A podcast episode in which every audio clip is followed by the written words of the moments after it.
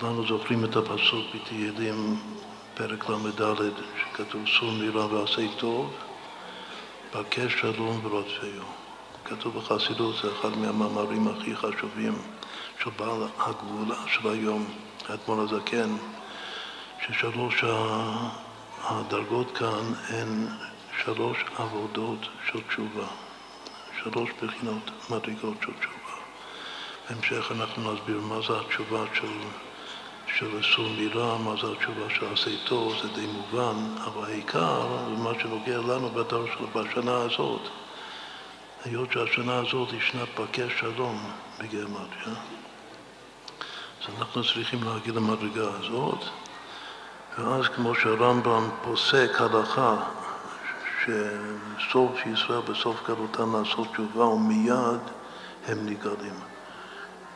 ובלשון האדמו"ר הרייץ, לאלתר לתשובה, לאלתר לגאולה.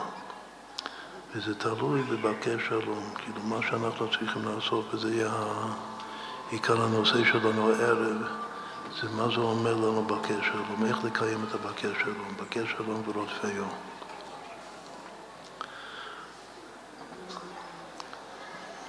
שמה, באותו מאמר בליכודי תורה, בעל הגאולה מסביר שבקש שלום זה בעיקר על ידי הדבקות בהשם דרך התורה של השם.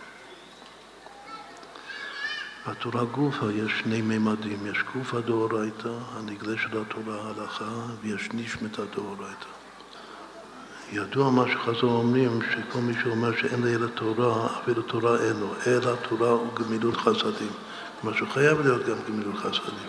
זה פשיטא, בכל אופן עיקר העבודה של בקש, בקש שלום צריך לבקש שלום דרך התורה. אם אנחנו מדברים על גאולה, אז גם כן צריך לבקש ולפעול במעשת הגאולה דרך התורה. יחד ודרך התעמקות בתורה, גם הנגלה של התורה ובמיוחד הפנימיות של התורה. כמו שרשב"י מבטיח לנו, שמתי יבוא הגאולה, זה בהי חיבור הדילך, והחיבור הזה ספר הזוהר.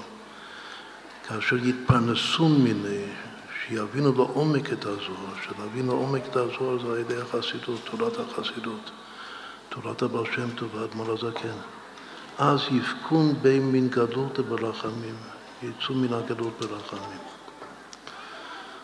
אז שוב, הפסוק בקש שלום ורודפהו בליקודי תורה הוא מפרש את זה בעיקר תשובה שקשורה לעצם הדבקות בתורה. כל יהודי יש לו אות בספר תורה.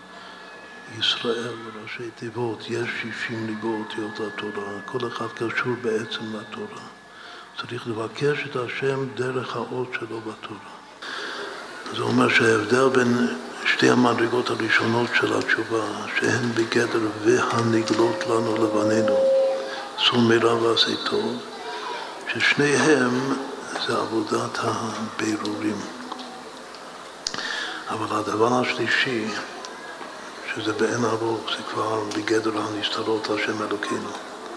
בקש שלום ורודפהו זה כבר לא עבודת הבירורים, זה כבר עבודת הייחודים.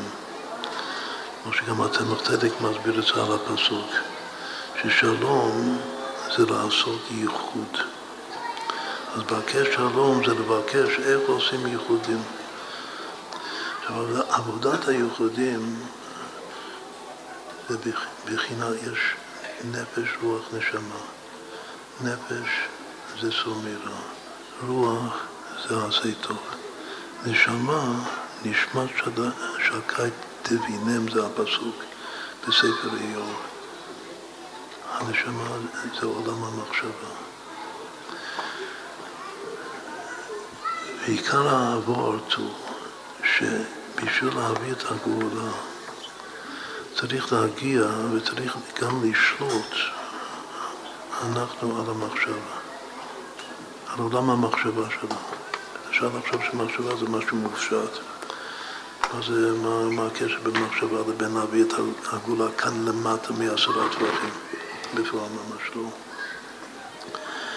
הכל תלוי בכוח המחשבה. יש לנו ביטוי, יש קביעה רצונית במחשבה. יש מי שיש לו מחשבה טהורה, אז יש לו כוח אדיר במחשבה להשפיע במציאות. יותר מדיבור, גם יותר ממעשים.